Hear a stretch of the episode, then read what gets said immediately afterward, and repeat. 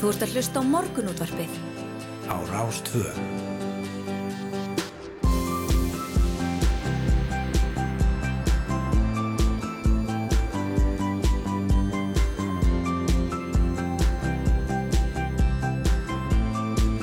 Morgunútvarpið Á Rástvö. Morgunúttarpið býður, góðan dag. Eh, Það er, eh, það er miðugudagur í dag og það er Yngvar Þór Björnsson og Rúnar Róbertsson sem ætla að sitja hérna með okkur til klukkan nýju. Klukkan núna, ég um það vil tíu mínútur í sjö og við ætlum að bjóða upp á, á margt og mikið í, í þetta dagsins. Heldur betur, velkomin á Fætur, svolítið votur dagur í borginni. Já. En, ja, svona, það er ekki rigning en það er blöytt. Það er velblöytt og, og, eh, og ein gul veður viðvörun í gildi núna eh, fram til háttegis á, Norrlandi Eistra. Já. Það er, eh, er vindkvöðnar, ekki rigningin eins og ég ger. Nei. En það sem við ætlum að gera í dag, eh, við ætlum að eh, fræðast aðeins um eh, já, spennuna millir Tæman og Kínverja sem hefur farið stegvarsandi undarfarið. Uh, við ætlum að heyra af uh, 100 ára afmæli hérna UMSK, mennarsambands Kjalanist Things og drullu hindrunar hlaupi sem að þeir alltaf til um því meðar annars. Já, já, rigningin ætti nú að hjálpa til. Já, getur rétt ímyndað, það þarf allavega eitthvað að hafa nokkuð. Nú og síðan er það vaskortur viða um heim, við ætlum aðeins að, að svona, koma, koma við þá umræðu. Já, ræða vatnið sem auðlind og, og hvort það séu þá tækifæri fyrir Íslendinga til að fara að flytja út vatn. Já, í. Í meira mæli. Já, einhvern veginn finnst mér samt alltaf svo umræða svolítið spes þegar maður fyrir að skoðana vegna þess að sko við getum, veist, ef við ætlum að flytja út vatn til dæmis bara í, í stórmarkaði í bandarækjanum eins og Whole Foods eða bara ef við ætlum að, að sjá um vatni í Walmart við ráum ekkert við þetta Nei, svo mikið. þannig að við, við sko, framlegslan okkar er svo lítil við þetta vera og, og geta hann en kannski þetta auka hana kannski einhvert ekki værið þar. Já, já. Nú, uh, svo er það uh, samtökinn 78 en uh, það var þetta aðtegli í vikunni að, að fósættisar á þeirra allar að beita sér fyrir starra hluti framlega ríkisins til samtakana eða að það var gerðið svona að hluti framlegana verði gerðið varalegur já. Og uh, við viljum að ræða við Frangóta Sjóra, samtækana 78 og tala, tala við hann bara um stöðuna. Nú svo er það svo er það góðstöðunar, heyrim í bóða Adolfsinni, formanni Björgunar Sveitarinnar Þorbjörns í Grindavík og uh, við höldum okkur á Reykjanesunum því að Kjartamár Kjartansson, bæjastur Reykjanesbæðar verður í spjalli uh, rúmlega 7 7.15 cirka og þar ætlum við að ræða það er tölur sem komur um í gæra að sanga dýri könnun þá þurfa þá sapna 10% landsmannar skuldum. Já, og ganga á eigi spærifittirna á endum saman og, og ástandið hvað vest í Reykjanesbæ. Já, það eru 57% íbúa sem eru annarkort á nullunu eða í mínusum hver mánuðamot Já.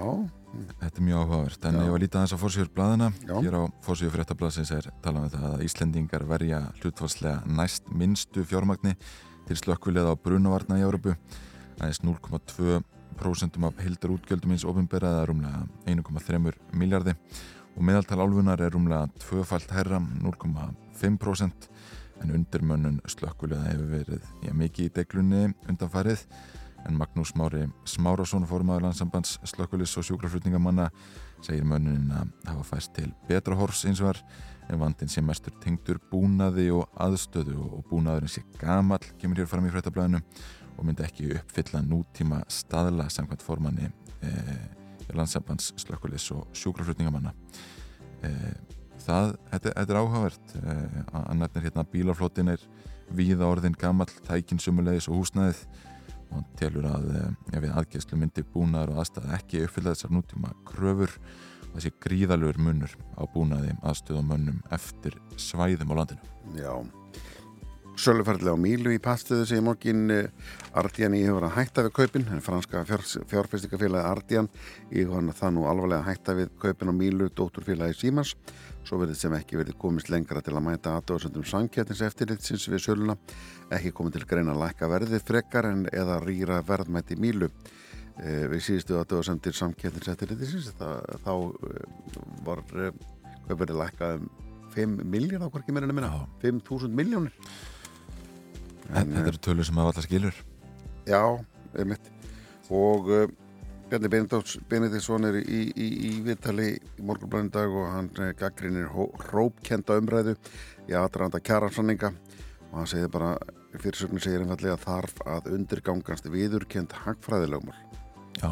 Og hann segir til vel undan á farsalum og góðum samningum á vinnumarkaði í haust sem vergi fengna kaupmáttaraukningu, hins vegar sé óraunöft að vænta svo mikillar aukningar kaupmáttar á hverja ári um alla framtíð. Já. Við rættum við Solvögun Jónsdóttur fórman eblingar uh, í þættunum í gær Já. sem hafnaði þá niðurstöðu hafðfræðinga þjóðsráðs sem til að lítið svirum til launahækkana og sæðist líka já, ekki treysta stjórnvöldum í aðranda þessari viðræðina en hér er Drífa Snættali í frettablaðinu fórsvitaðis í að kalla eftir aðkomu stjórnvalda í komandi kjærabartu aðstæðar og fasteinamarkaði kalla á beina og ótvíræða aðkomu staðan sé orðin það alvarlega stjórnvöld geti ekki komist upp með að skila auðu við samningaborðið.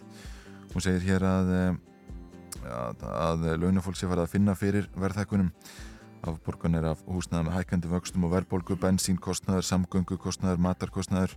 Við finnum öll fyrir því að við búum í dýrtíð núna.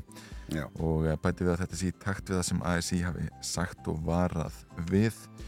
Og því vill hún, eh, já, vegna að komu stjórnvalda.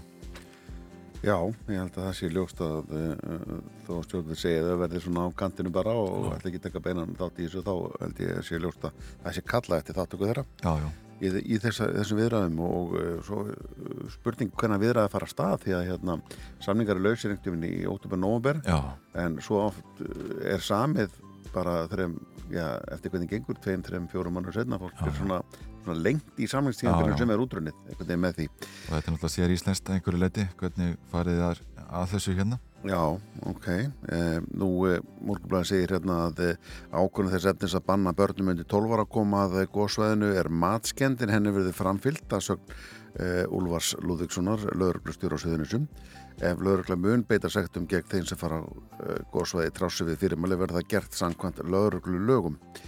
Uh, lögurglu stjóri getur veitt almenn fyrirmæli á hættistundu samkvæmt 2003. grein um almannavarnir og þetta er, hafa þeir eftir eh, lögurglu stjórnum á söðunisum. Það er, er svolítið umræðinu á hvaða fórsöndum er þetta ég bæði sekta fólk hérna eða, eða og banna. Og skrítin hérna einhvern veginn eh, þessi ákvörðunum 12 ára og yngra þannig að þessi mjög sérstök já, já. tala veginn, ég veit ekki ekki, maður veit ekki fórsöndundar en samt ef er góða skeringar og því fólk er ekki að leika sér að því að loka þessu svæði svona, það er ástæð fyrir þessu. Já, já, hefur getur spurt Bóka Adolfsson betur út í þetta. Hann verður hérna á línni hjá okkur eh, já, uppur klukkan 7 en eh, ég veit nú að fara brálega að skipta yfir á fréttastofna margt framöndun hjá okkur, það má geta þess að hér er ný frétta á VF Rúf Það sem segir að kínversk stjórnvöld segist að hafa enga þóljamaði fyrir umsvöðum aðskilnaði sinna á Tæfan og ídraukuði núna í morgun að sjálfstjórnar svæðið erði tekið með valdi þætti það þurfa. Uh, við ætlum einmitt eins og við nefndum hér áðan í lok þáttar að, að ræða þessi mál við Guðbjörgu Ríkegu Þórótsen Högstóttur, doktorsnema í stjórnmálafræði og sérfræðingi í málumnum Kína. Já, verður forunlegt að heyra hvað hún hefur að segja um, um þessi máli en það líður að frettir með okkur. Fáum frettir á slæðinu klukkan sjö og síðan heldur við yngvar þóri hér ánfram með, með morgun útvarpið af nógu að taka og flott tónlist svona inn á, á milli. En eh, við vikjum með vellum stund og leifum að frettastofunni eftir já, rúma mín og töða svo. Þú ert að hlusta á morgun útvarpið á Rástvöð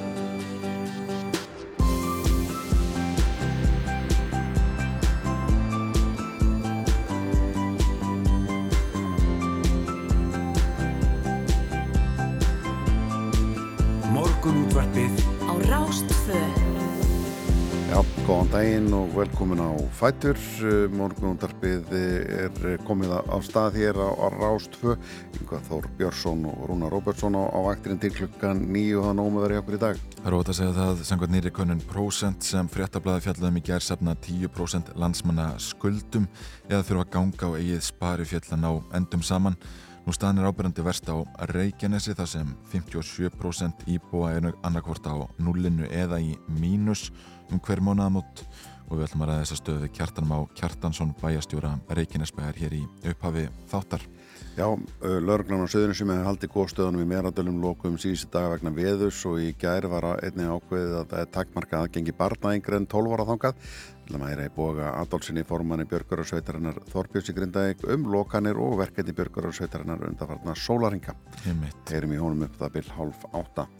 Og eh, já, hollensk stjórnvöld líst í síðustu viku yfir vasskort í landinu vegna mikillar þurkatíðar og þá hafði þurkarnir verið það miklir á Breitlandsauðum að farið er að skamta vatn þar og í Fraklandi ég hafa stjórnvöld skipað neyðarteimi til að bregðast við skorti á drikjarvatni en það hefur verið bent á það í þó nokkuð tíma og í fullmörgum skýslum að alvarlegur vasskortur vofi yfir heimsbyðinni á næstu árum og áratögum og við ætlum að ræða já bara vatn sem auðlind við Þröst Þorsteinsson, eh, professor í umhverfis og auðlindafræði og spyrja út í áhrifin hér heima og hvort það verði arbært á fyrir Íslanda að flytja út vatni í meira mælin en gert hefur verið. Já, það er spurning maður að leggja uh, vassleislista fyrir kannski ramagstreng og flytja þetta solis út. Já, já, það er hérna og, og hætta þessum gagnaverið síðnaði og, og fari í vassframlöstu. Nei, kannski ekki hætta honum.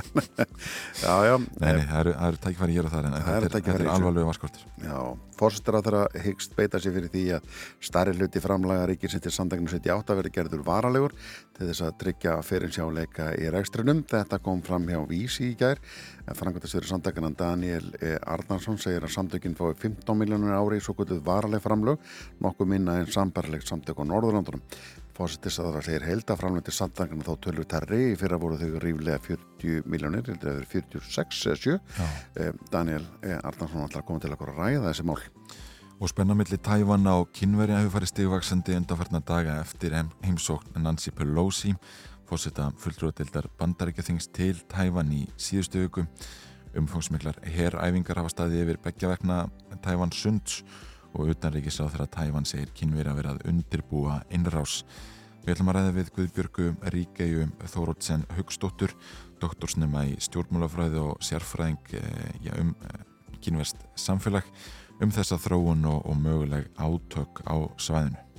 Já, og um þessa myndir fagnar ungmenna samband Kjaranes Things, ÖMSK, 100 ára afmæli á því tilefni og í tilefni af Íþrótaveslu ÖMFI fyrir fram drullu og hindrunarfröp krónunar við Íþróttamistuna Varmá í Mósusbæ og lögadaginn og uh, tilefni þessu öllu sem alltaf að heyri Valdimar uh, Smára Gunnarsinni frangværtasjóra ÖMSK upp úr hálf nýju og bara taka stöðun á er hundra ára en hluti merkilegt í svona sögu og minna sambands það er að segja til hans er og, og svo er ágætt að þegar að fólk getur svona, hvað ég að segja, hlaupa sér hotnin eða svona pyrringin yfir kannski íslensku sumri. Já. að, taka þátt í drullilöpi bara, Já, það er ekki. Ég held að það sé ágætis, ágætis löst Já, sko maður áður lítið með yfir eh, veð, viður horfurnar að þá kannski þið skella í fyrsta lag dagsinn sem er eh, þjóðsjálagið í ár og er flutt af Klöru Eliastóttur og samt þetta og samt flerum Eianótt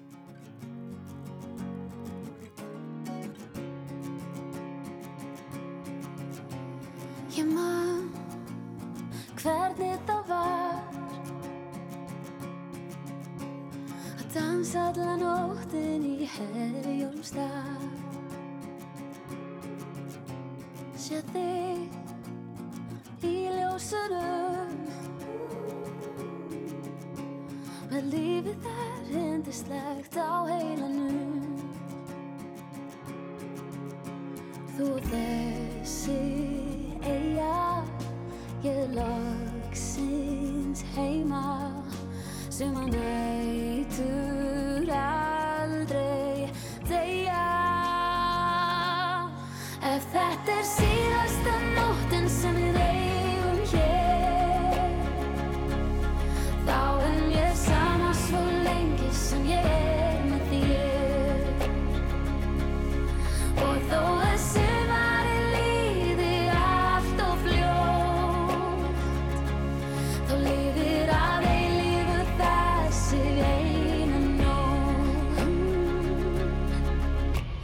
slökkunni Ég leita þér. Við að miður í glæðum sem kviknuðu hér. Á morgunni og skrifa blá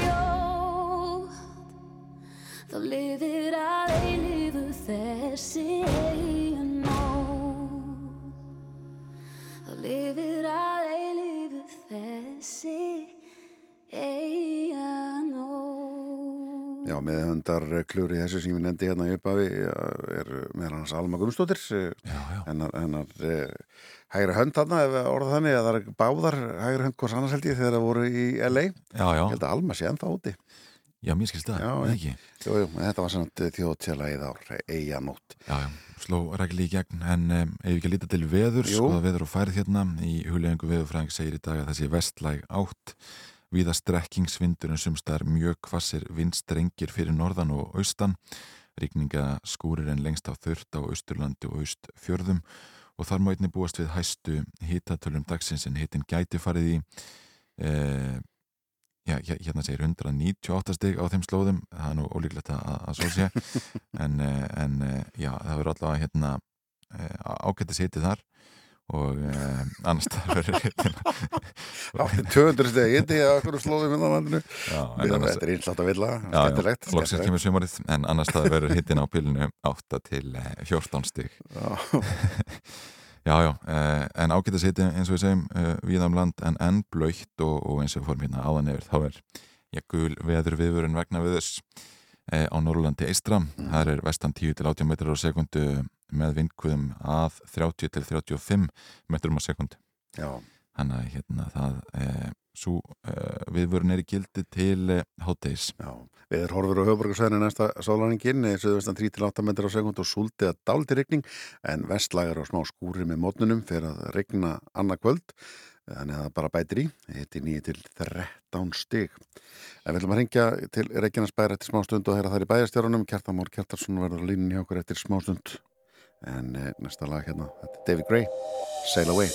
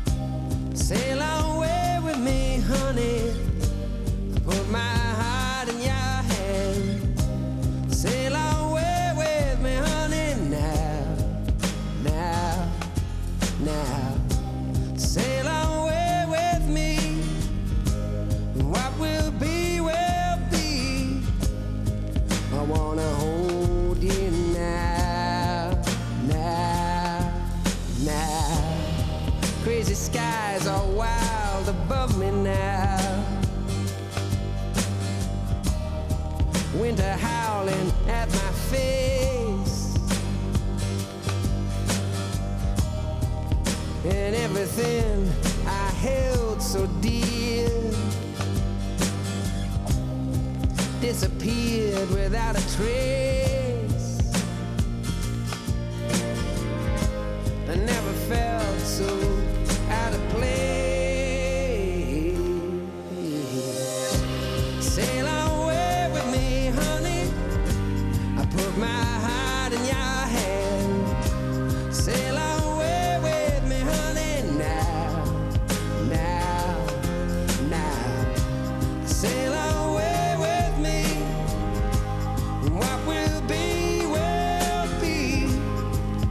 wanna hold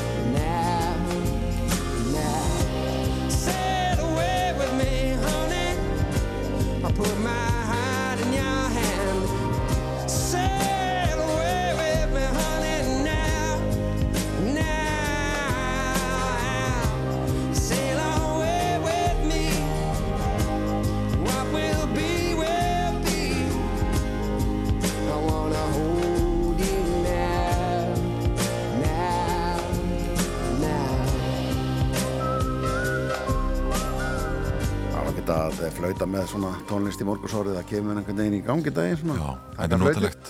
Já, já, Já, já, David Bray hér á í morgun útarpinu en þá eh, ætlum við að, að, að fara sögum sjó. já, já, samkvæmt nýri konun prósent sem fréttablaði fjallaðum í ger samna 10% landsmanna skuldum eða þurfa að ganga á eigið spari fjallan á endum saman.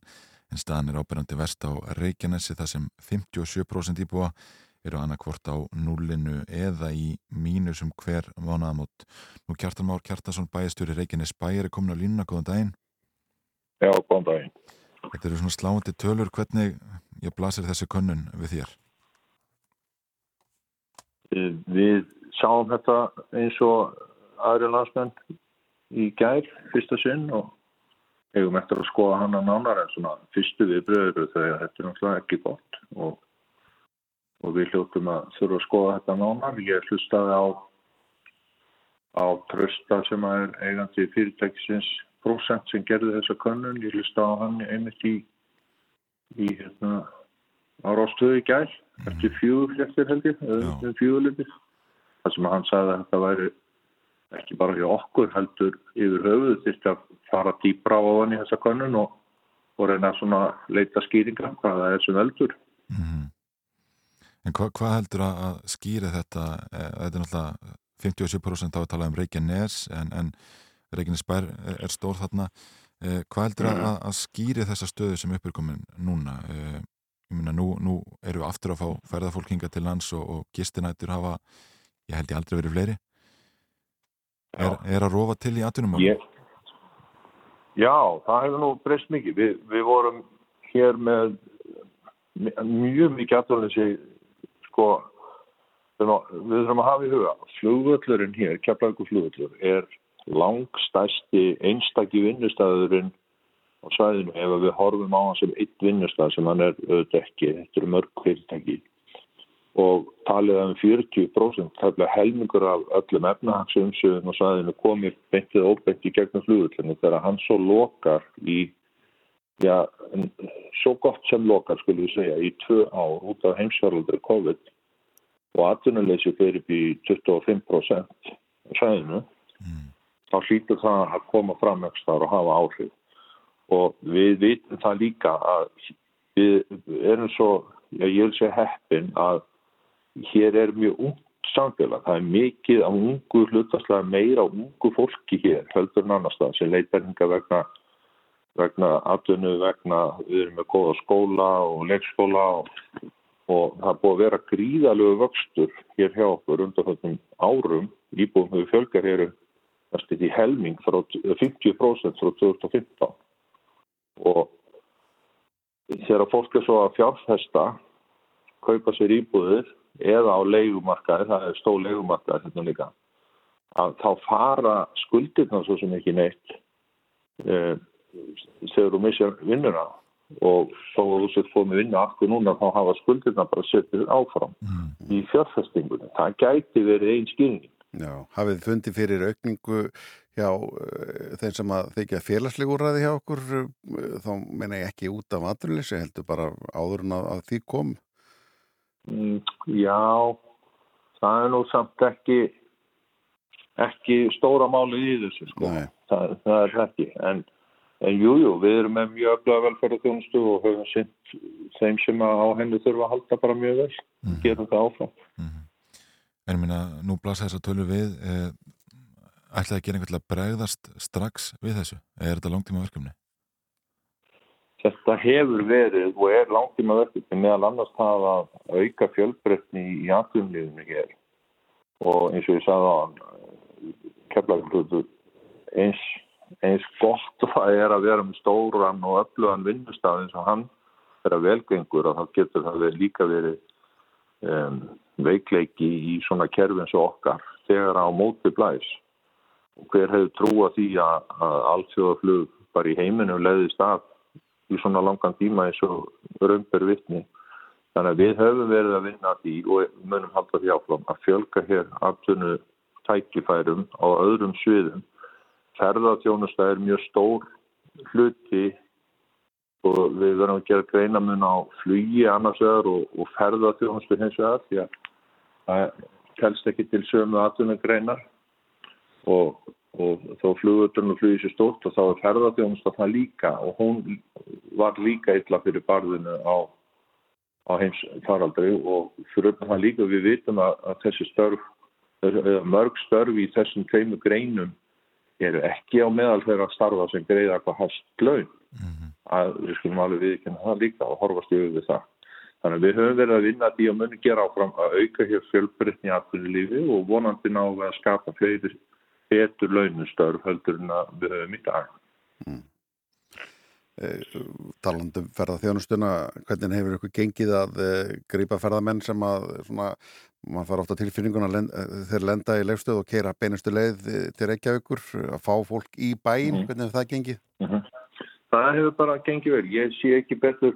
Við vitum að ferðamenn koma hér mikið sem að eru hér á hótelunum sem eru fjölmörg og gististæðir oft fyrstu nóttina eða síðustu nóttina, fyrstu nóttina eftir að koma, síðustu nóttina eftir að nau hefða áður að fara. Við viljum gertan að stöppi lengur og höfum verið að vinna í því og það hefur náðast ágættis árangur í því en við sjáum hér bara eins og annars þar á Íslandi yfir sumamánuðin að mikið af ferðarfólki hér á bæði á, á göngu á aðalgöldum bæjar eins og á veitingastöðum og hótelum. Þannig að ég held að við séum alveg að fá okkar skerð af þeirri köku. Já.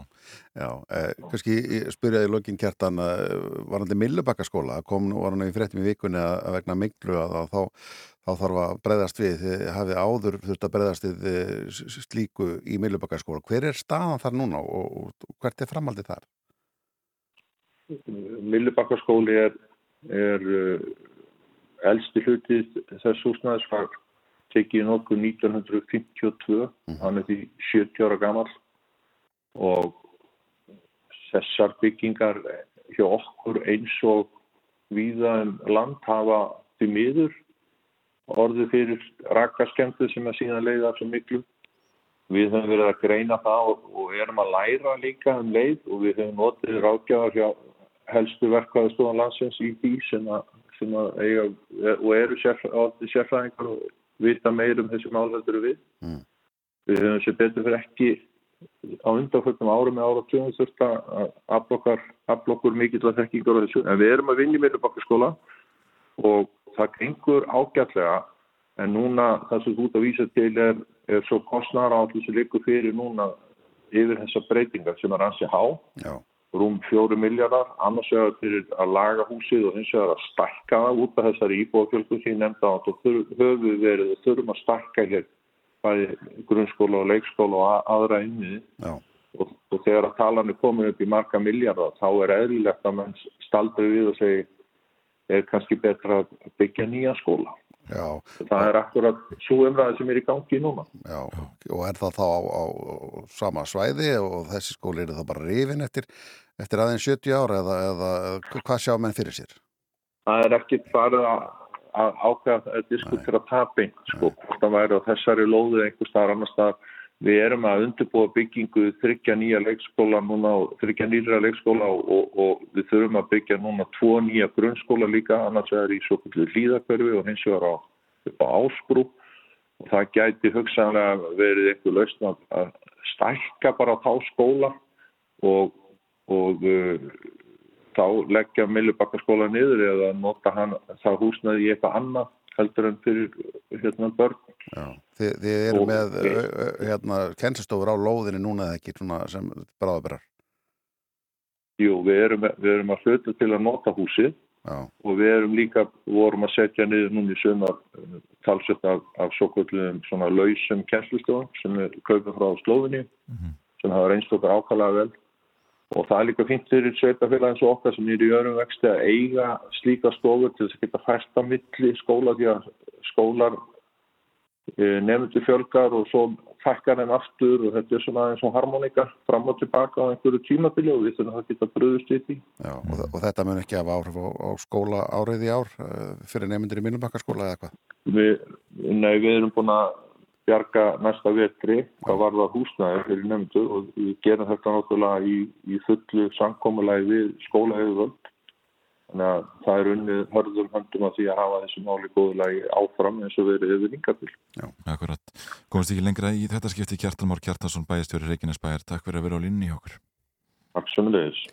Já og eh, hér á eftir að þá er það ætlum að halda okkur á Reykjanesinu, ætlum að heyra í bóga Adolfsinni sem að eh, er eh, já, formaði Björgunarsveitina Þorbjörns, taka stöðun á góð stöðunum en fram að frétta yfir þetta þá er það bara að ferja á Roxy Music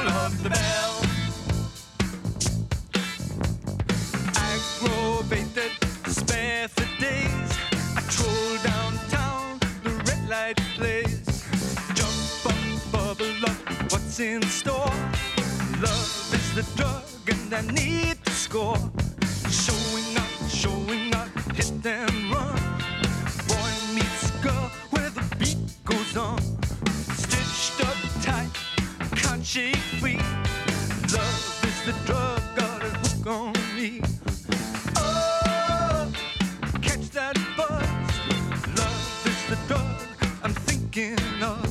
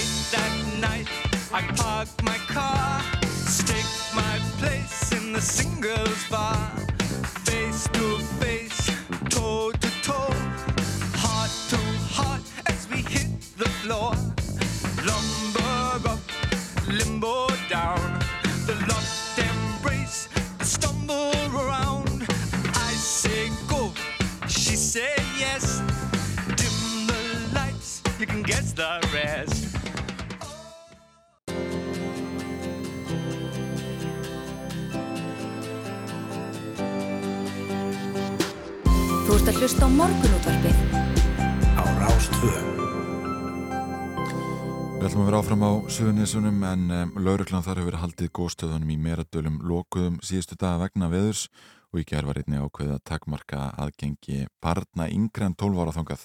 Nú bói Adolfsson, formaður Björgunarsveitarnar Þorbjörns í Grindavíku komin á línuna, góðan daginn. Góðan daginn. Hvernig viðrar þarna í dag? Eh, Er búið að taka ákvörðunum hvort að það eigi að opna? Já, við hittist alltaf klukkan hálf nýju nýju með fundi Já, og það er alltaf svona rendi yfir stöðun og það er með veðurfræðing og hérna, þá er svona tekin ákvörðun. já, það er kannski minni líkur en meiri svona miða við veðrið í morgun. Mér sýnist vera sama sarkvita myndin úti og gæðir. Já, akkurat. En fólk er samt að fara í því þó að það sé, sé lokað. Fle- Fleiri undur manns að lappa þetta og, og, og þið hafi verið að standa í því að bjarga fólki. Já, já, það var um uh, fyrir dag en í gær þá var, fór e- engin upp sko. Nei, ok. Nei, nei. En, en hvernig var álæðið á ykkur? Gær var bara mjög fýtt dagur sko. Já, Alltaf svona rólegur. já. Það var ekkit ferðafólk hana sem, sem kraðist þess að fara upp. Jú, var náðu því. Þeir voru bara með uh, lokaðan veginn, eða þess að ekki lokaðan suðuströndaveginn, heldur voru bara með svona checkpoints á, á veginn og spjöldluðu bara við fólk og ég, þeim við sem voru að fara og svo voru við bara með eftirlit í svona miðjunni sko, milli stöðan lokarna. Já, já. Já, Sáum hann í fréttum einmitt í fyrra dag þegar fólk var að fara hann samt sem áður. Það var verið að vinna að göngustíg og eitthvað. eh, Hvernig það gengið? Eh, Hefur eitthvað fréttir af því? Eru menn búnir að, að að laga þetta eitthvað til? Já, það er fóru að grafa upp hana og hún er búin að móka það sem við vildum að hún mókaði og hérna hún hérna já, er bara hana svona held ég að fíni sér að í dag þannig að sér bara göngulegðan orðin góð við fórum, sveitin fór svo upp í gær og þétti stikurnar á millið þeirra Mhm. þannig að svona verið að reyna að gera allt sem þetta er að gera Já, já, akkurat. Það var þetta alls fyrir aðteglið það var tekin ákvörðinu það að takmarka aðgengi barna yngre en 12 ára að góðstöðunum. Uh, sko, hvers vegna er í þær aðgerir ef við byrjum þar? Ég held að pælingin bak við þær séu nú bara þær að, að hérna, börn, uh, þetta er svona svolítið erfitt yfirferðar og látt gasmengun.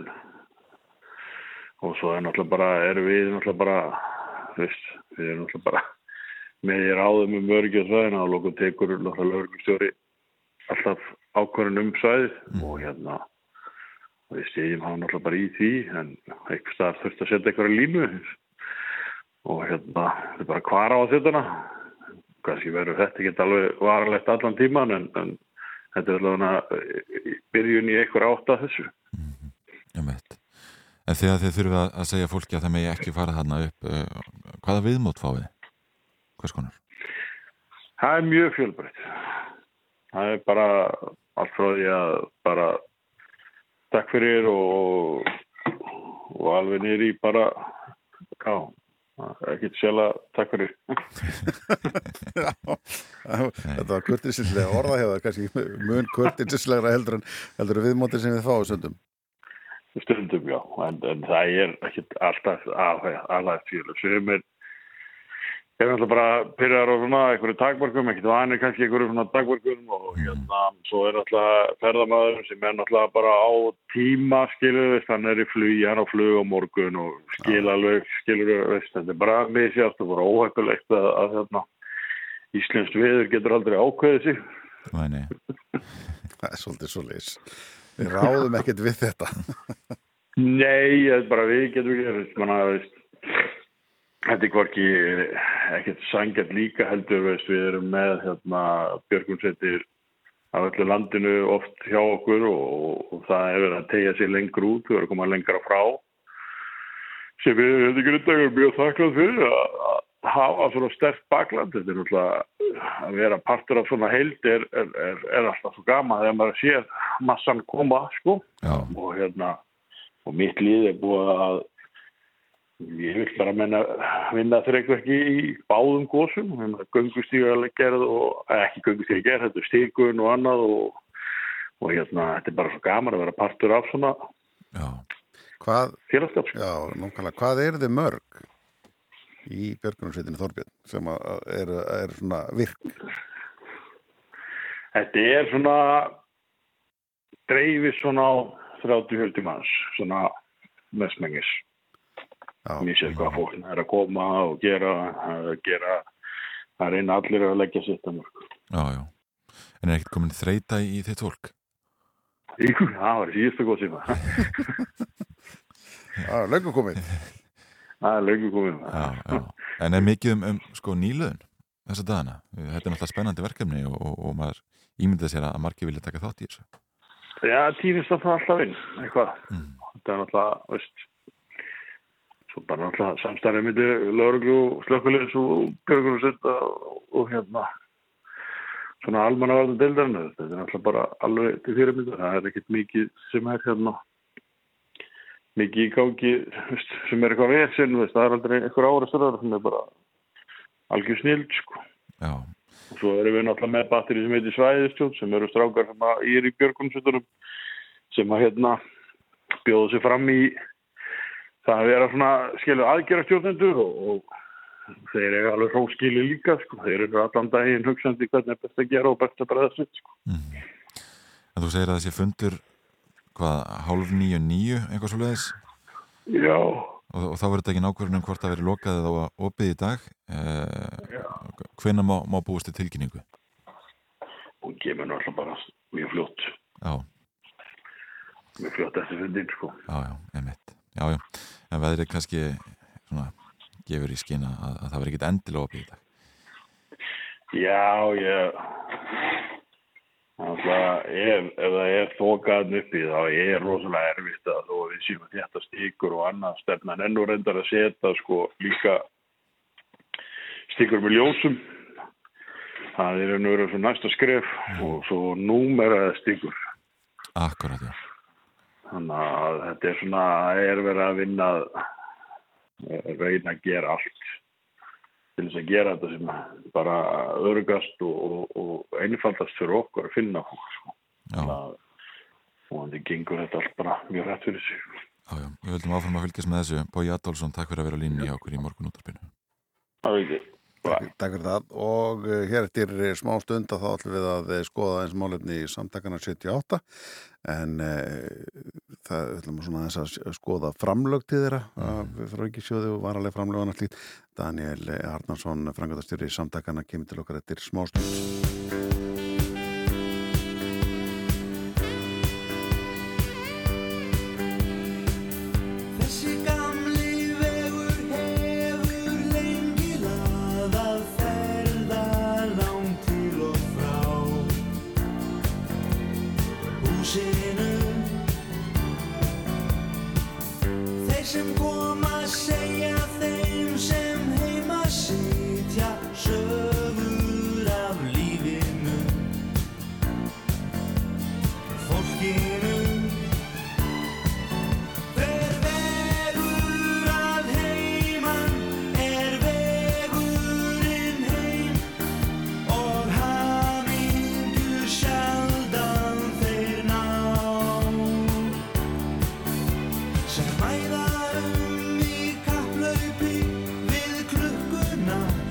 og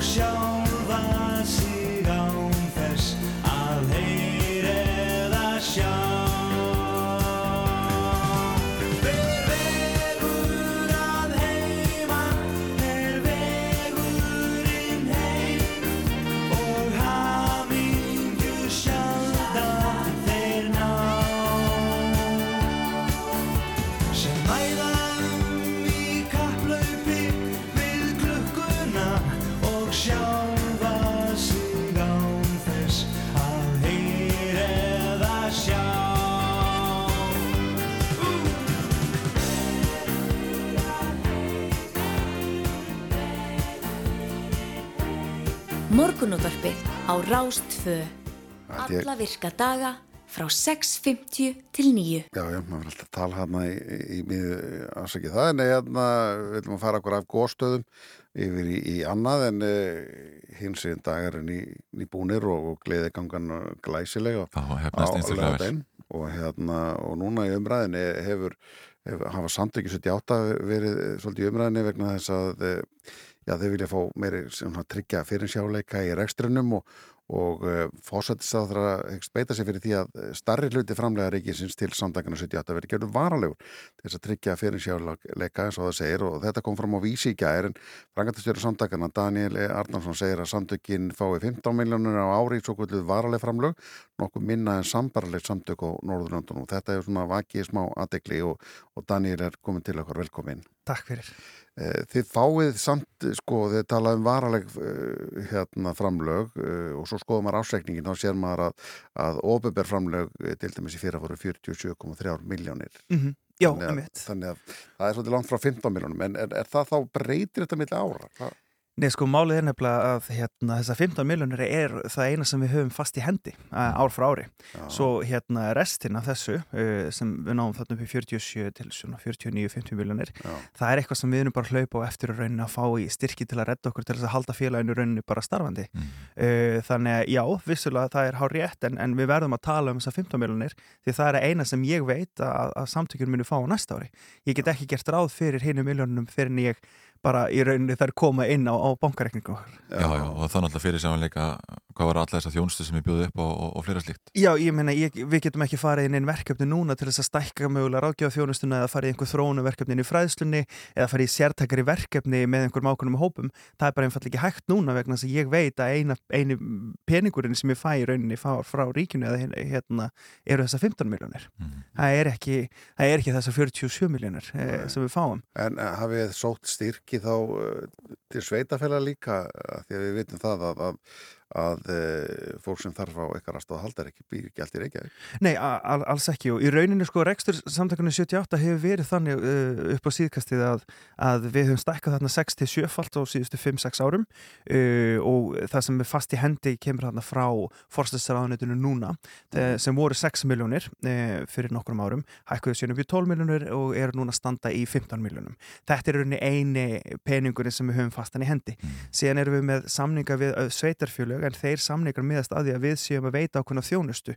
Uh, þannig í rauninni það, ég get ekki tekið hluta af þeim, þeim uh, því fjármagni í rauninni sett í önnur verkefni vegna þess að það er bara brennimert ákveðnu verkefni sem við semjum við hvert sveitafélag fyrir sig. Já, ég tel með þess að fara í Garðabæju eftir og við erum að reyna að semja um þá einhverja fræðslu í þá skólum eða hérna starfsfólkleikskóla og annað. Þannig í rauninni sveigrúmið okkar til þess að stækka eða til þess að þróa þjónustun, þjónustun okkar er ekki neitt. Nei. Eh, Það er nú verið að tala um að, að hérna, svona, ef við tökum bara með og hafið það gott að talið um að, svíjar veita 32 krónur per landsmann til þessara starfsemi en Íslendingar 106 krónur. Jú, jú, algjörlega, en, en við, sko, við getum náttúrulega farið í höfðatölureikning og segjum svo ef, ef hérna, RFSL, okkar góða sýstu samtöki í Svíþjóður með 300 fermyndaskristofu, þá áttu náttúrulega 10 fermyndar að dög okkur á Íslandi. Þannig það er rosalega hættulegt oft að fara í höfðatölureikning vegna þess að það er alltaf einhver grunnur sem félagsamtök þurfa á að halda uh, og líka við getum hugsað þannig að til dæmis sýstu samtökin okkar á Norðurlöndunum, sérstaklega Nóri og Svíþjóð, þau hafa verið á rosalega tryggum fjármunum núna frá ríkinu í að vera 20-30 ár. Meðan að við í rauninni erum að koma núna fyrst að fá greitt fyrir það þjónustu sem við veitum. Og við getum líka alveg sagt það bara á síðustu 3-4 árum þá höfum við fengið mögulega samtals frá ríkinu um, já, einhverju summu sem við getum kannski sagt að sé hæsta summa sem við fengið síðan 1978 þegar við erum stopnuð þannig að við erum að tala um frá stopnun uh, samtakar 1978 þá erum við kannski að tala um að 100-150 miljónir hafi farið í ennum málaflokk Mm. og ég meina það eru ekki, ekki miklu fjármunir Nei, einmitt. Og síðan er það þannig í eins og nákvæmlega ríkjum þá eru, eru minni sérhæfðari samtök. Algjörlega, og þau hafa getað byggt upp sagt minni og sérhæður samtök uh, til dæmis uh, undir ákveðna hópa það er reg uh, undir reglifinni eða sem koma að hérna öðru minnulhutahópum til dæmis uh, í bæði Svíþjóðu í Nóri þá eru öllu félagsamtök sem sinna einungis hins einn innflytjendum svo eru önnur félagsamtök sem sinna einungis hins einn hælisleitendum á meðan á Íslandi þá er þetta alltaf sömu skrifstofu og þó við séum með öllug uh, hagsmunafélög í rauninni hjá samtökunum 78 þá eru það sjálfstæðar einingar og þau eru ekki á neinum varalegum uh, rekstarfjármunum frá hún ofinbera heldur eru þau bara á verkefnastyrkjum hinga og þanga og það tekur líka tíma uh, og vinnu að sækja um þessa verkefnastyrki. Já. þannig að það sem við erum að tala um að við verðum að sjá reksturinn okkar sjálfbæran til lengri tíma Uh, og ef við tækjum þessar 47 miljónir ef, ef við hefum það tryggt í hendi þá verður staðan allt önnur Já, Eh, ég sé hérna eh, með því að rýna bara í rekstra reikningin hjá okkur að það verið vera 10 miljón krónar gata á hverju ári. Já, heldur betur. Og það er bara, þannig höfum við reykjað okkur vegna þess að við getum í rauninni ekki e, við getum ekki neita fólki sem kemur til okkur á þjónustu vegna þess að við erum oft sá staður sem fólk kemur síðast á. Og er búið að fara í kerfið og er búið að fara bæði hjá ríkinu eða hjá sveitafjölum búin að fara í einhver úrræði innan gæsa lappa hjá þeim. E, og það er ekki virka og þá komaðu til okkar. Og við getum ekki e, neitað fólki eða, eða einhvern veginn verið síðasti staðurinn sem fólk kemur og treystir á. Og við getum ekki loka dyrunum á, á þessa einstaklinga sem koma til okkar eh, sem treysta á okkur. Og það er líka þannig að, að hefur ofinbera ríkið og annað, við erum að veita þjónustu til ríkisins. Það er ekki eins og þetta, þessi, þessi fjármun sem fara til okkar fara bara einhverju hít og, og við getum bara að nota það eins og við viljum. Við þurfum náttúrulega að skila rekstrareiningum og annað og þetta er allt opið hjá okkur. Mhm. um, af því að ég sá alveg hérna, einhverju byrjuð að tala um að já nú þarf að fara að skoða uh, hérna rekstur samtakun og annað. Við erum í mjög, mjög góðu samstarfi við, við bókunstjónustur og endurskoðundur og annað þannig að það er allt í góðu í okkur. Og ef fólk hefur mikinn áhuga á þessu þá má alltaf hafa samband við mig. Ef fólk vil spyrja út í tiltekin atriði inn í re rekstrarreikningi eða, eða efnagsreikningi og svo má fólk líka bara koma í heimsókn og fletta þessu sjálft að það vil Já, já. Ég sé einmitt að það hefur þau aflög í fyrra með við 2020 að ég er nú með opinn ásreikningin hérna að, að bara styrkir 2020 vorum 6,6 miljónur en í fyrra tæpar 21 miljón. Já. Þannig að þið hefur verið svolítið duglegri í Já, við, við höfum fundið fyrir mjög miklu meðbyr núna eftir sérstaklega hinsegndi og eftir þessi frétt kemur út og það er sérstaklega frá einstaklingum og fyrirtækjum. Mhm. uh, og vissulega líka frá hennu ofinbjör og þau hafa alveg hérna, svara kallinu og við höfum verið í góðu samtali. Uh, þetta er að koma upp á yfirborðið núna vegna þess að ég held að þetta hafi bara komið fólki svolítið í opn og sköldu að þetta væri staðan. En uh, það er bara gott að við sem að ræða þetta vegna þess að þetta hefur verið staðan hjá okkur í já, um fjögur, Sem kemur sér frétt í gær þar sem fórsættisráður að segist að alltaf beita sig fyrir því að stærri hluti framlega að veri gerður varanlegur, eða, já, varanlegur til að Mm. tryggja þennan fyrir sjáanleika. Uh, já, þið lítið að fagna því og, og hefur verið í samskiptu við Katrínu núna síðustu það? Algjörlega og við hefum bara reynlega fund á morgun þannig Já. að já, uh, vissulega að hún hefur hérna uh, staðið þetta sem hún segir í fjölmjölum og, og við höfum verið í góðu sambandi og ætlum að hittast á morgun. Þannig að og það er einmitt þetta, ég meina fyrirsjáleiki er allt í rekstri þegar við tölum um lítil félagsamtök uh, ég meina við höfum síðustu 2-3 ár þurft að segja upp öllu starfsfólki okkar undir lokárs og, og málega er að það er, það er ekki vinnu umhverfi sem er eiginlega hægt að bjóða fólki upp á til lengri tíma. Um, að því er alltaf sagt upp og þetta er náttúrulega fyrirsjónleiki fyrir samtökin líka þetta er fyrirsjónleiki fyrir allt fólki sem við sinnum og líka þetta er fyrirsjónleiki fyrir náttúrulega þá einstaklingar sem vinna fyrir samtökin 78 Já. Hver er þörfin hjá okkur? Er, er það þessar 10 miljónir aukalega sem vantar upp á eða þurfum við meira? Hva, hva, hvert er planið? Sko málega er þörfin okkar á ári núna eh, í heldin eru 100 miljónir og þá náttúrulega erum við ekki að tala um bara að það er að vera á, á höndum ríkisins eða, eða höndum hins ofinbera heldur við að tala um samtals eru við vöndun okkar er 100 miljónir fyrir utan náttúrulega allt það sem hefur sapnast upp núna á síðustu árum og líka það sem við hefur náttúrulega ekki komist í á síðustu árum til dæmis þróunarverkefni með hins einn eldra fólki og langar að gera miklu betur þar uh, og fleira og þróa kannski félagsmiðstöðun okkur gera hana stærri. Og líka bara til þess að setja þetta í samhengi. Til dæmis við tölum um frí sem eru þau eru með félagsmiðstöð rétt eins og við og reyka hana. Máli er að uh, Osloorborg ákvað að, að veita ennþá meira fjármagn til hennar vegna að viðkomur hóp barna er að ræða meðan að hér er hún reikin á, á hérna sjálfbúðaliðum en bara svona skemmtilegt með höfðatöluna vegna þess að það mæta 120 manns í, í vikulega í okkar félagsmiðstöð. Í Oslo mæta um 60 þannig að höfð, höfðatala segir, segir ekki allt eh, vegna þess að þarna eru mögulega önnur úrræði þá sem eru þó ekki á hendi eh, hinsegin samtakana sem eru þó búið að dreifa sér kannski, kannski í Osloborg eða um, um allan Noreg Já, einmitt. Þú nefndi það hérna áðan að þú verður að fara inn í Garðabæ að ræða við eh, stjórnvöld þar eh, um, um möguleg samstarf og, og, og fræðslu. mm -hmm. Eh, við erum alltaf búin að sjá þetta hrikalega bakslag í, Mhm. í, í baratu hinsegin fólks. Já. Eh, eru sveitarfélagin núna móttækilegri fyrir því að fá okkur inn? Mér finnst það. Og, þau, og bara verða að segja það að það er hérna, sveitafélagin hafa verið mjög móttækileg bara síðustu misseri í að vera í góðu samtali við okkur að hafa bókað uh, fræðslu uh, og við höfum þá verið að koma. En þau eru móttækilegri núna til dæmis í að, að binda þetta þá í einhvern samning og, og gera þetta formulegra og það er ekki bara Garðabær eh, sem ég er að ræða við í vikunni heldur eru fleiri sveitafélög en ég get sagt Garðabær vegna þess að þau voru Já, mjög já. óbyrð með það á sínu tíma og samþýttu þetta hérna fyrir, fyrir sumar. Já, hvað segir um, um umræðina sem að hefur nú skapað svolítið svona núna í dag að, að, að eh, fólk, eh, fyrirtæki er að skreita sig með, með eh, stuðningi við ykkur, mm. nota fánana, auðlýsa og annað slíkt en það er engin annar stuðningur til ykkar þá meina í formi fjár kannski eða styrk. Já, það, sko já, uh, málið er að við, við höfum ekki höfundaréttin á regnbóðunum og, og regnbóðafánunum og fyrirtækjum er náttúrulega frjálst að skreita og þau vilja en maður spyr sér samt þegar e, e, við erum að tala kannski um risastór fyrirtæki sem e, tala um e, hins eginn málefni í þessa, þessa 5, 6, 7 daga og skreita sig með, með regnbóðunum, kaupa kannski stórar og, og dýrar og flottar auðlýsingar og svo er sömu fyrirtæki kannski ekki tilbúin í samstarf. Þá erum við að tala um að, að ebla hins eginn samfélagi en það frekar, ebla samfélagi okkur með fræðslu að vera í góðu samtali. Þú veist, þá spyrir maður sig hver tilgangurinn er. Er tilgangurinn þá að vera þáttakandi í einhverju breytingu í samfélaginu e, bara öllu samfélaginu til góða og sérstaklega hins eginn samfélaginu til góða? Eða er fó- fyrirtæki þá bara að skreita sig og, og já, til þess að fá meiri business eins og maður segir á þessum örfóðu dögum sem, sem hins eginn þar e, standa yfir. Þannig að maður spyr sig það því að við náttúrulega þarf ekki að leggja inn á okkur til þess að fá skreita sig með regnbóðfórnum, alls ekki. E, og svo líka vil ég segja að, að fyrirtæki náttúrulega þau skiptast í að, frá því að vera risastór fyrirtæki í bara minnstu, smæstu bara einirkjar og það eru nú oft smæstu fyrirtækin sem eru þægilegust og maður sér oft allt í hennu koma kannski 2000 krónar styrkur frá einhverjum einirkja, málara út í bæ og það, þannig að þetta telur allt uh, og það er bara gaman að sjá að, að fyrirtæki vilja líka vera hluta breytingunni Mhm. Þetta er mikilvægt. Takk fyrir að kíkja til okkar Daniel E. Arnarsson, framkvæmdastjóri samtakana 78.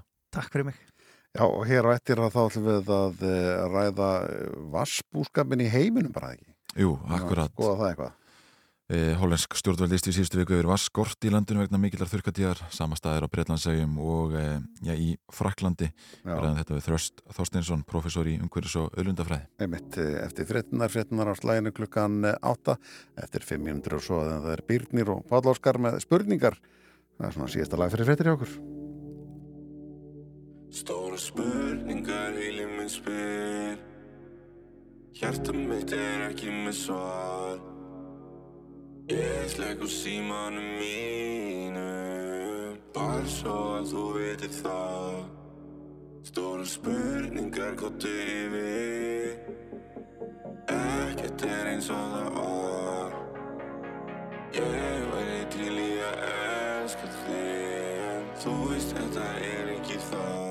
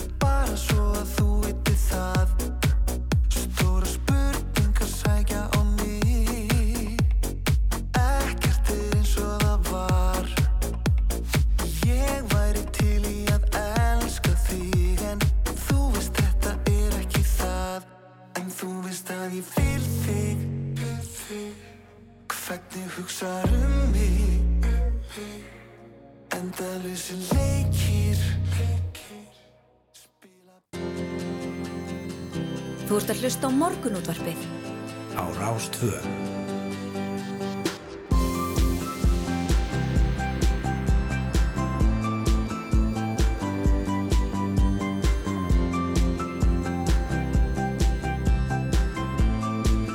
Morgunútvarpið á Rástfö Já, heldum áfram í morgunútarpinu Rúnar Robertsson og Yngvar Þór Björnsson með til klukkan nýju og nógum að vera framöndan. Það er ótaf að segja það, eh, við ætlum að ræða hér, eh, já, vatn eftir smá við Þröst Þorstinsson, professor í umhverfis og auðrundafræði, en uh, það var skortur nú víða í Hollandi, á Breitlandsegjum og í Fraklandi og víðar. Við ætlum að ræða drullur, hlaup og, og, og ljúkum síðan þættinum á því að ræða stöðu mála í Tævan. Guðbjörg Ríkei Þórótsen Hugstóttir, doktorsnum í stjórnmálafræði, kemur þá til okkar. Já, einmitt, hún er verið í okkur í lók þáttar og, og ræðum þau mál en fyrsta lag eftir áttafréttir á þessum klukktíma við skiptum þessu upp í, í tvo hálfleika hjá okkur. Já. Þetta er Birgir Hansen, lagið til Póki.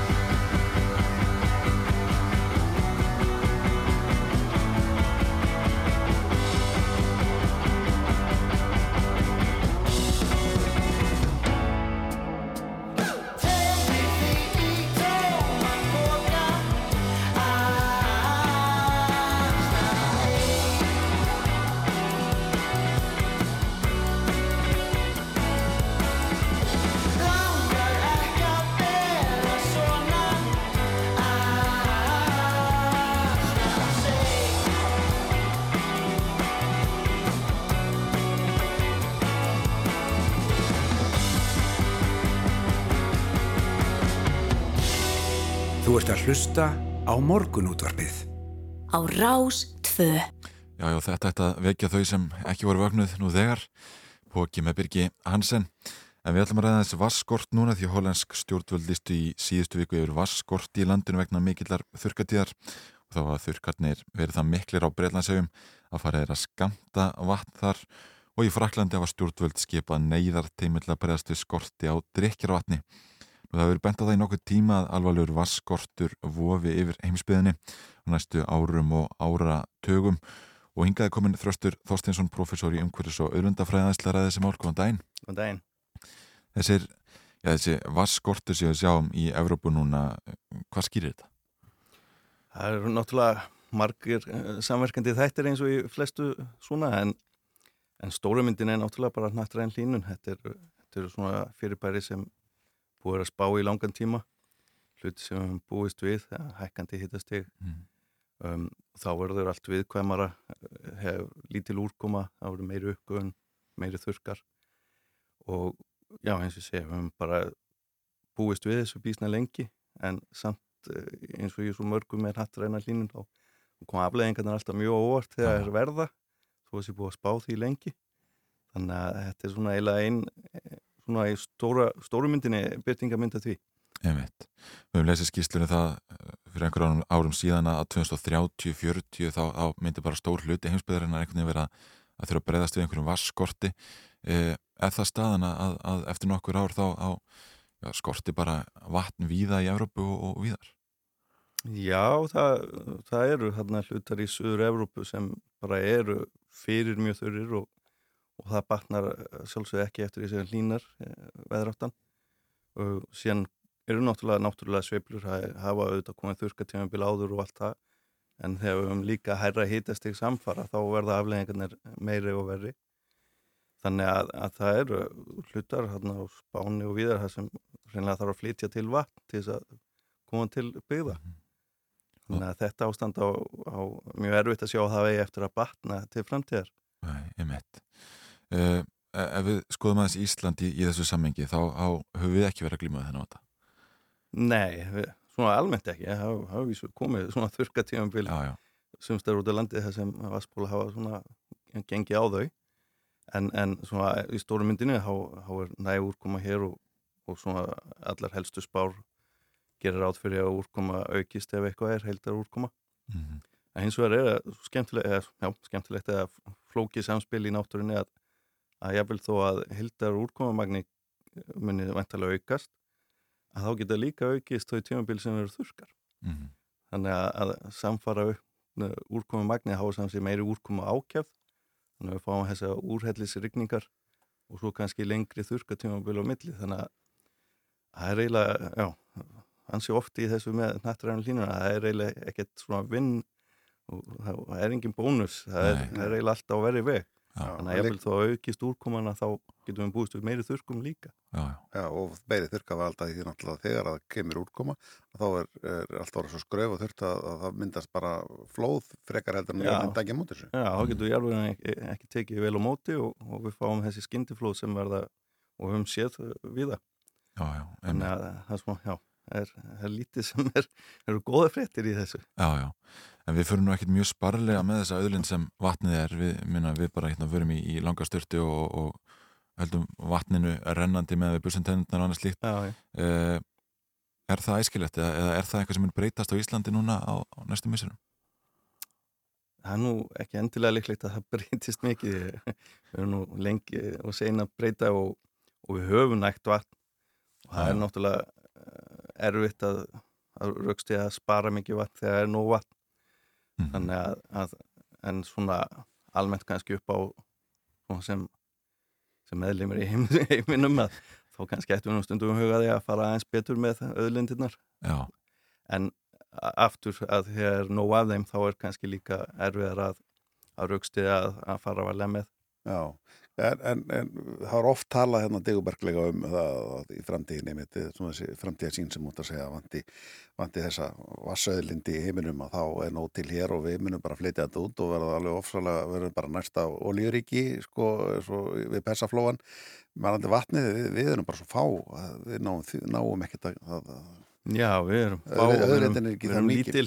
Já og, og já, svona skalamunurinn á, á okkur og, og svo Evrópu og heiminum er náttúrulega ansi, ansi mikil Já, þannig að það kannski er ekki tækifæri ekki það mikil þó einhver séu Það er náttúrulega einhver tækifæri svona í, í kannski þessu svona bottled water svona og, og svo leiðis en, en það er verið að sjá svona einhverjum stórum skala til þess að bjarga heilu löndunum í Evrópu.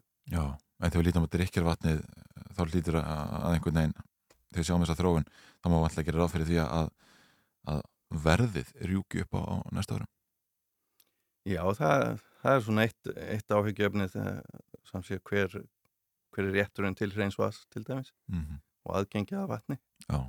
Já. og það er náttúrulega bara misjönd eftir löndum og sveðum og, og, og öllu því Mhm. þannig að já, vissulega ég meina vat- vatni er þegar auðlindu í mörgum ríkjum heims og, og baróttur um, um, um aðgengi af vatni uh, Níl náttúrulega eitt dæmi og, og fjölmörg önnur dæmi það sem það sem uh, með þessi bandaríkjum það sem er svo mikið veitt úr ánum í, í, yfir í landbúna að það er það ná ekki til sjáar Nei. Eh, Varandi eh, þessa öðlind hér, hvar, hvar eru við stödd þegar það kemur að eh, lagaumhverfi til dæmis eh, mann og þetta frétt um það að Nestle vildi bara fá yfir á því vatninu og eitthvað svona, hvar, hvar er við stödd varandi þetta? Er þetta þjóðar eignin og, og svona eina gesalappi eins og við sjáum með fiskin? Nú er ég ekki alveg, með með vel, á- hreinu en, en ég manna það hefur verið umræði um að, að landeigundur hafi, hafi aðgengið af vatninu og, og það sé svona vist áhyggju efni að, Mhm. að það þurfa að tryggja að þetta sé eitthvað meir, meiri almenningseign heldur en, heldur en enga eign Já, einmitt. Þetta er alltaf mjög áhugavert og, og spennandi að sjá hvernig þetta uh, uh, mun þróast núna á næsta árum Þröstur Þorsteinsson, professor í umhverfis og öðlundafræði. Ég takk fyrir að ræða við okkur um, um vatnið hér í morgunúðarspil.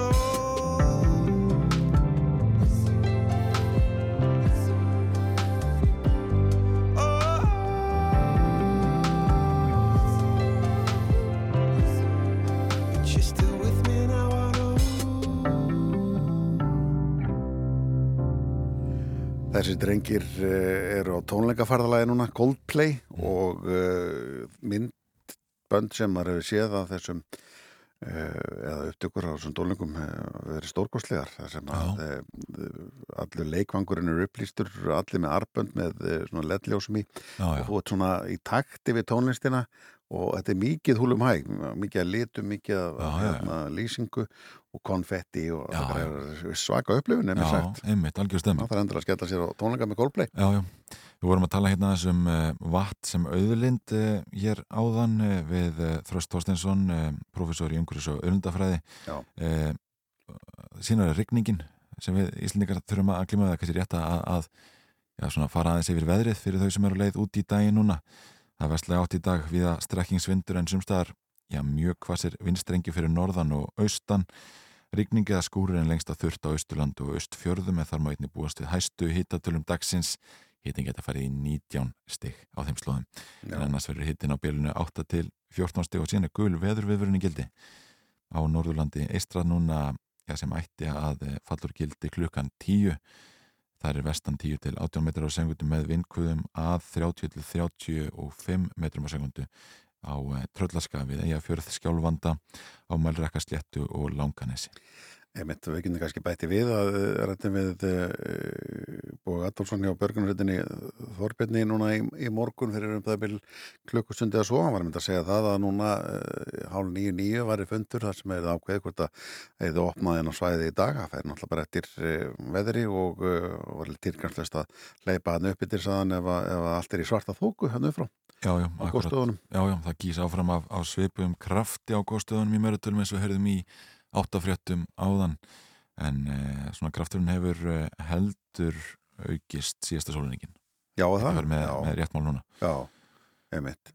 Þetta er, þetta er, uh, það er einhvern veginn að var gaman að fylgjast alltaf með þessu þegar að, þegar að gís. Þetta virðist nú vera samt sem að það er svona uh, með að vera góð sem maður hefur séð, séð fréttamildir af í gegnum tíðina bara út í heimu og annars lít. Þá finnst maður þetta að vera óttalegur rævill. Þess að við maður vitni nú í það.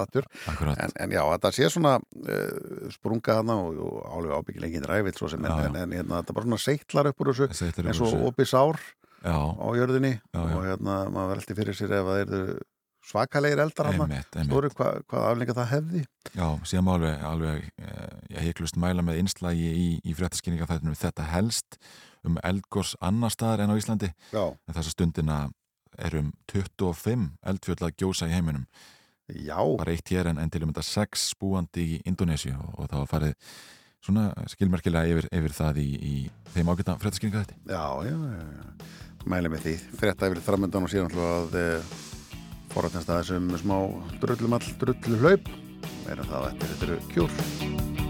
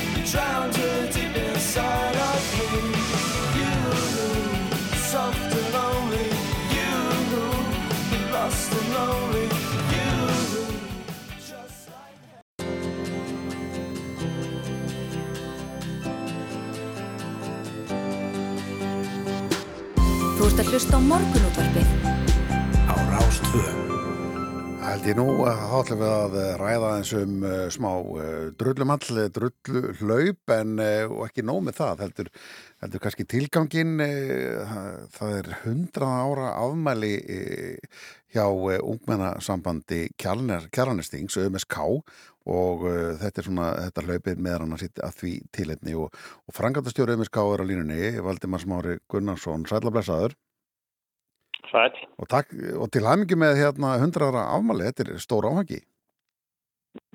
Já, þetta er, þetta er í sáfangi en ammælistagurinn er nú ekki runnu upp, hann er nú ekki fyrir í nóvumber Já, já, já, já. og þá er svona hugmyndin að vera með helja mikla helja mikla ammælisháttíð. Já. Gefum mér svo út hérna 100 ára sögu sambansins í bók. Já, já, hún er vantarlega, já, hún er vantarlega merkileg, sagan. Já, þetta er stórmerkileg saga og sambandi hefur þróast og stækkað.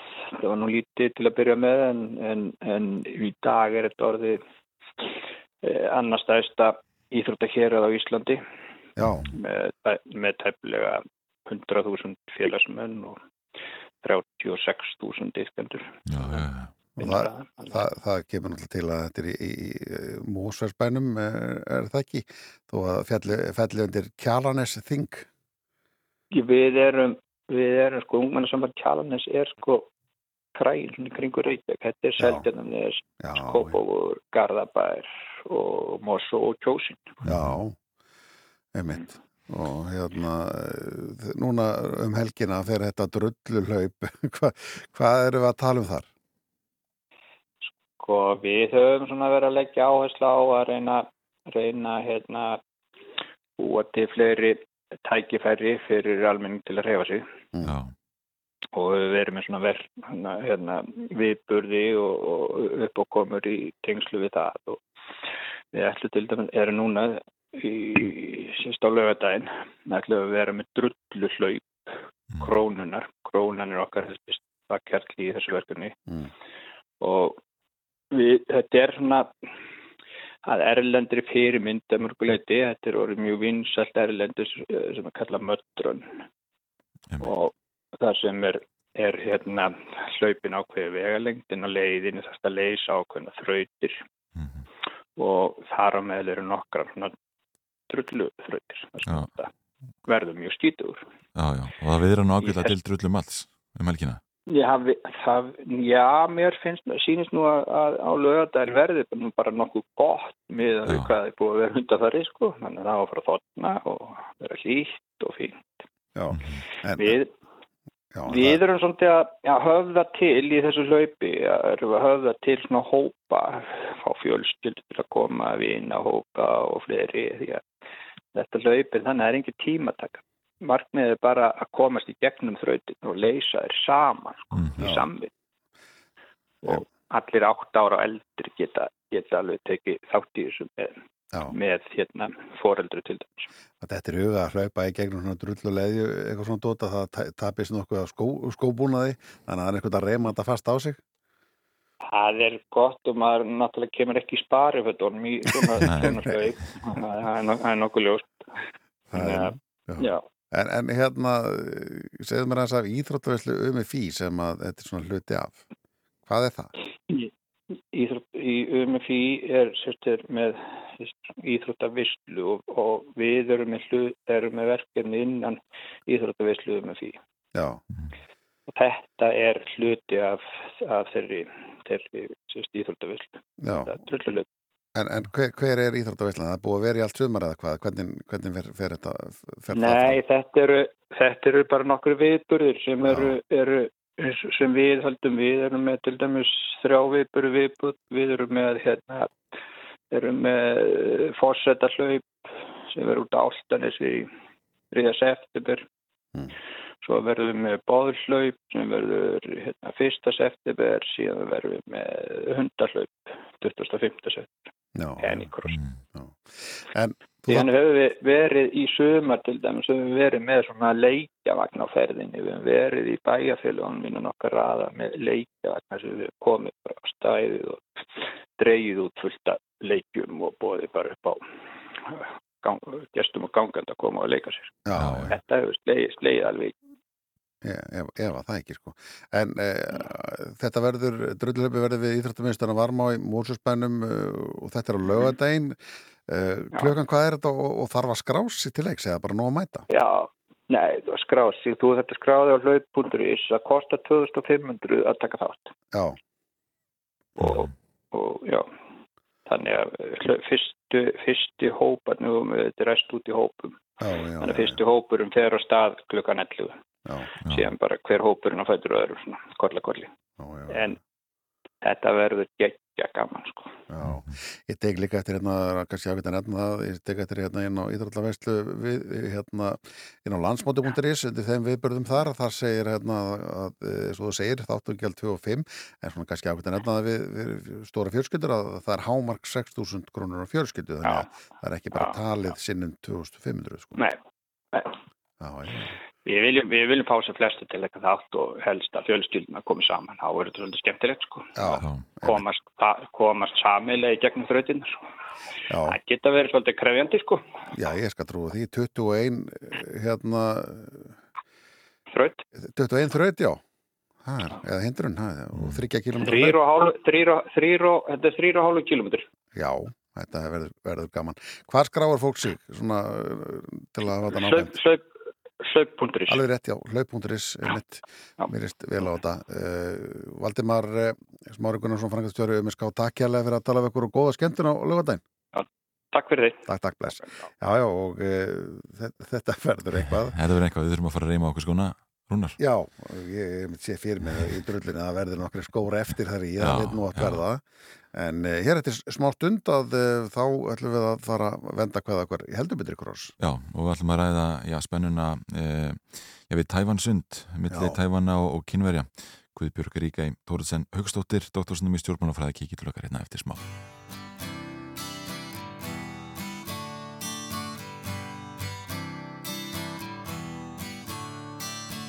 Don't you know talking about a revolution? Sounds like a whisper. Don't you know talking about a revolution? Sounds like a whisper. While they're standing in the welfare lines, crying at the doorsteps of those armies of salvation, wasting time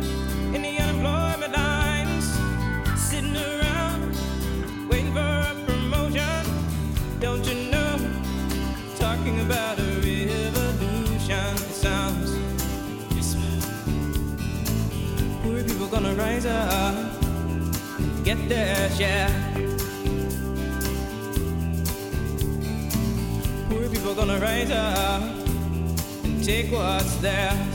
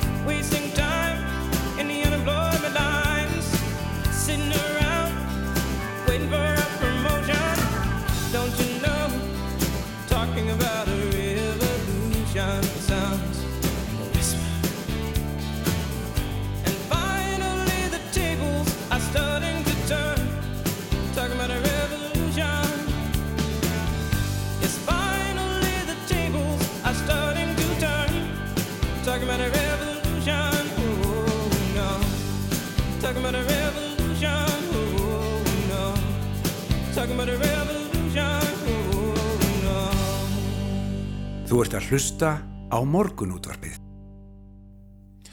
Jú, morgunútturpið heldur hér áfram en kínversk stjórnvöld segast enga þólimaði hafa fyrir um, umsöfu um aðskilnaða sinna á Tævan og ítrekkuði núna í morgun eins og herri með fréttum að sjálfstjórnar svæðið er þið tekið með valdi þætti það þurfa en stjórnarskrifstofa sem fer með málefni Tævan byrti í morgun kvítbók með þeim leiðum sem beita á við endurheimt svæðisins. Við ætlum að ræða aðeins ástandið á þessu svæði og Guðbjörg Ríkei Tórótsen Haugstóttir doktorsnum í stjórnmálafræði og, og sérfræðingur um kynir samfélagir. Inga komin, góðan daginn. Góðan daginn. Sko, það var náttúrulega lengi verið í gangi deilur og, og, og svona hérna, umræður um, um þetta svæði þarna en það fer einhvern veginn aftur á stað núna þegar Nancy Pelosi eh, heimsækir Tævan. Já, akkurat. Og eh, ef við förum aðeins í svona sögulega samhengi og forsöguna á þessu máli að uh, það múr reykja að það er allt til borgarastyrjaldarinnar þegar uh, í Kína þegar sagt, þjóðurnisinnar og kommunistar voru að berjast um völd yfir Kína. Og það í einföldumáli sagt endaði með því að, að kommunistar náðu völdum og þjóðurnisinnar fluttu til Tæpan bæði þjóðurnisinnar og kommunistar sögðust vera henn einu réttmætu stjórnmöld yfir gjörföldu Kína þar með tali Tævan en deildu í raun um hver, hver hinn lögmætti stjórnvöld væru. Og er það kommunistar eða þjóðurnisinnar og segja málu í raun og veru að þeirri deilu hafi aldrei verið formlega lokið. Og, og það er einn ástæð þess að kommunistaflokkurinn gerir enn tilkatt til Tævan enn þann dag í dag. Um, og, og lengi vel uh, viðkendi alþjóðsamfélagið að stór hluti þess uh, þjóðurnisina sem hinn einu réttmætti stjórnvöld Mhm. en skipti svo yfir í að viðkenna kommunista og hérna og það, þaðan kemur þessi stefna um eitt Kína eða á ennsku uh, One China Policy um, og, og þaðan kemur líka þessi orðræða kínverska stjórnvölda um að bandaríkin séur verið að rjúfa fullveldi Kína einmitt vegna þess að komunist að líta á Tævan sem hluta af Kína. Mhm. Og, Sa, er samt í gegnum tína fyrir ekki að hérna uh, þegar, að, þegar þetta verður til og út að lýsa þarna þá er þetta bara látið vera samt. Það er eins og að, þú veist, þeim er leift bara að vera þarna. Já, svo, já, svo hefur raun og verið það þróast hann áfram að, að þrátt fyrir að, að, að hérna kommunistaflokkurinn hafa sagt að þetta væri hluta Kína þá var mjög lítið gert í þeim málum lengi vel og, og Tævan er hættu að og er stjórnvöldin í Tævan uh, hættu að íta á þetta. Þau væru lögmættu stjórnvöldin yfir uh, meginlandinu líka og, og það hefur verið svona ákveðið um, svona status quo, ef maður má segja það að, að lítið hefur gerst í þessum málum. Og verið þar til Xi Jinping tekur og verið við völdum af því að hann raun og tekur upp mun harðari utaríkistefnu en fyrirrennar hans. Uh, og þetta tengist raun og líka hugmyndafræði hans um kínverska draumin um, og í einföldum áli sagt er hann tvíþættur, það er að allir einstaklingar innan Kína geti rátti drauma sína rætast innan þeirra marka sem flokkurum vill. Og hinn hluti raun og verið kínverska draumsins er að reysa Kína til fyrri dýrðar fyrir öll hundrað ára niðurlægingarinnar þegar Kína var niðurlægt af erlendum völdum, þar að með tali breytum og japanum. Þannig að hluti af, af hugmyndafræði, bókstaflegri hugmyndafræði Xi Jinping er að ná, uh, um kínusku draumin er að ná fullkominni saminningu Kína uh, og það sem þau til að hluta Kína er nú líka Hong Kong og Tævan. Mhm. En síðan sjáum við Tævan sko það sem þjóðurnir sinnar voru þróa séðan að stjórnkerfi þróast í svona líðræðisleiri og, og frjálslindari átt getur við sagt. Eh, hvers vegna gerist þá og hver eru þá hagsmunur bandaríkina því að, að, að vingast við Tævan og, og af hverju Nancy Pelosi að, að fyrir heimsóttanga? Já, þetta er allt mjög góð spurningar og það er alveg rétt sem þú segir, Tævan hefur þróast í líðræðs átt og er talið mun frjálslindar en, en uh, mörg uh, Asjuríki. Það er líka sterk kynnslóða skipti hvað var að sjálfsmynd þjóðarinnar.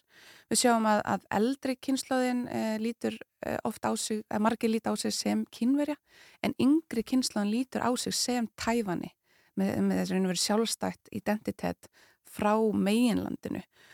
Um, og hvað var þar samskipti við bandaríkin þá er visslega rétt að, að hérna, bandaríkin og Tævan hafa lengi vel átti mjög góðum samskiptum og hafa bandarík stjórnul sagst munu koma Tævan til aðstöðar ef til innrásar kemur. En það sem er óljóst í því máli er að hvaða leiti væri slika aðstöð erum við að tala um beina hernaðarlega íhlutun? Það myndi þetta því að stríði við Kína. Eða erum við að ræða vopnasendingar, eitthvað eins og við erum að sjá að gerast í Úkrænu, þetta er allt svolítið óskýrt. En það sem er áhugavert er að sjá hversu afdráttarlegs bætin hefur verið í afstöðu sinni uh, og þessi heimsók Pelosi sínir að minnstokkasti að demokrautum virðist alvara með að aðstofa Tævan en Antoni Blinken, uh, utaríkisráð þeirra bandaríkina, sagði að Pelosi hafi verið þarna á eigin vegum já, já. en það er kannski uh, erfitt að sjá hvernig þetta hefði gerst án þess að fórsetin hefði samþygt að færi þanga. já. Og síðan, og síðan náttúrulega tengist allt stríðinu líka í Úkrænu og, og kynverðar hafa verið higgandi við það að setja einhverja viðskiptaþinganir á Rúsland. Akkurat og hérna þetta er auðvitað hluta þessari stærri þróun eins og nefna Úkræna og þessum verstandi samskiptum bandaríkina og Kína e, yfir síðust ár. Líka má nefna viðskiptastriðið í valdi til Trumps það sem var komið á, á tollum á viksl en þeir tollar hafa líka einhver leiti haldið áfram í tíð Joe Biden. Uh, svo líka má maður nefna samkeppni í, í tæknumálum 5G og Huawei En eins og nefnir með innrúsina í Úkrænu, það er alveg rétt og Kína hefur ekki tekið þátt í þessum viðskiptaþingunum og, og, uh, og þar með er auðvitað kommunistaflokkurinn að- veita rússum eins konar flóttaleið eða, eða að einhverja leita að minnstakosti. Já, já, akkurat. En, en við sko, utaríkisráð þeirra Tævan talar um það að e, já, hann búist við innrás á, á næstu mánuðum eða, eða allavega svona í, í, í náinu framtíð. E, nú er svona að spá í spilin en, en hvað er líklegt að gerist þannig? Það eru miklar heyravengar núna, e, bæði hjá Tævan og, og Kína. E, leysist einhvern veginn úr þessum eh, diplomatískum leiðum eða er líklegt að til átaka komi? Já, það, ég ætla kannski Það ekki stórt að ég ætla ekki kannski að vera með einhverjar stórar yfirlýsingar en, en þetta er auðvitað mjög eldfumt ástand. Það er kannski ekki mikið til, kannski einhver mannleg mistök að það, að það brjótist út stríð og það er auðvitað eitthvað sem við, við viljum alls ekki sjá. Um, maður vonar auðvitað að diplomatísku leiðinar haldi en þetta er auðvitað uh, raun og verið sögulegt hversu, hversu gífurleg spenna hefur myndast núna við þessa heimsókn og herskip Kína og Tævan hafa hist á þessari svo kallega miðlínu mm. á mill eiginar og meilandsins og, og, og hafa kínversk, hefur kínverski hérna reynda einangra eigina um, og svo líka er búið að koma á uh, er kín, uh, kínverski kommunistaflokkurinn búin að stöðva innflutning frá Tævan um sem ávöxtum og fiskiafurðum og stöðva útflutning til Tævan á sandi. En Em, með, meða við þessum sjáum í Úkrænu og rússar fara þar inn og hvernig alþjóða samfélagið eða vestrann samfélagið bregst við því eh, með við starð hers kynverja, gagvart hér Tævan, við munum að taka þetta ekki bara og sjá svo til, að því að það verist vera, vera þannig að það vill enginn fara í eitthvað svakar stríð þannig er ekki líklegt að Vesturlönd og þau sem stýðja Tævan núna munum svona, að ég ætla hann ekki að fykta mikið í þessu.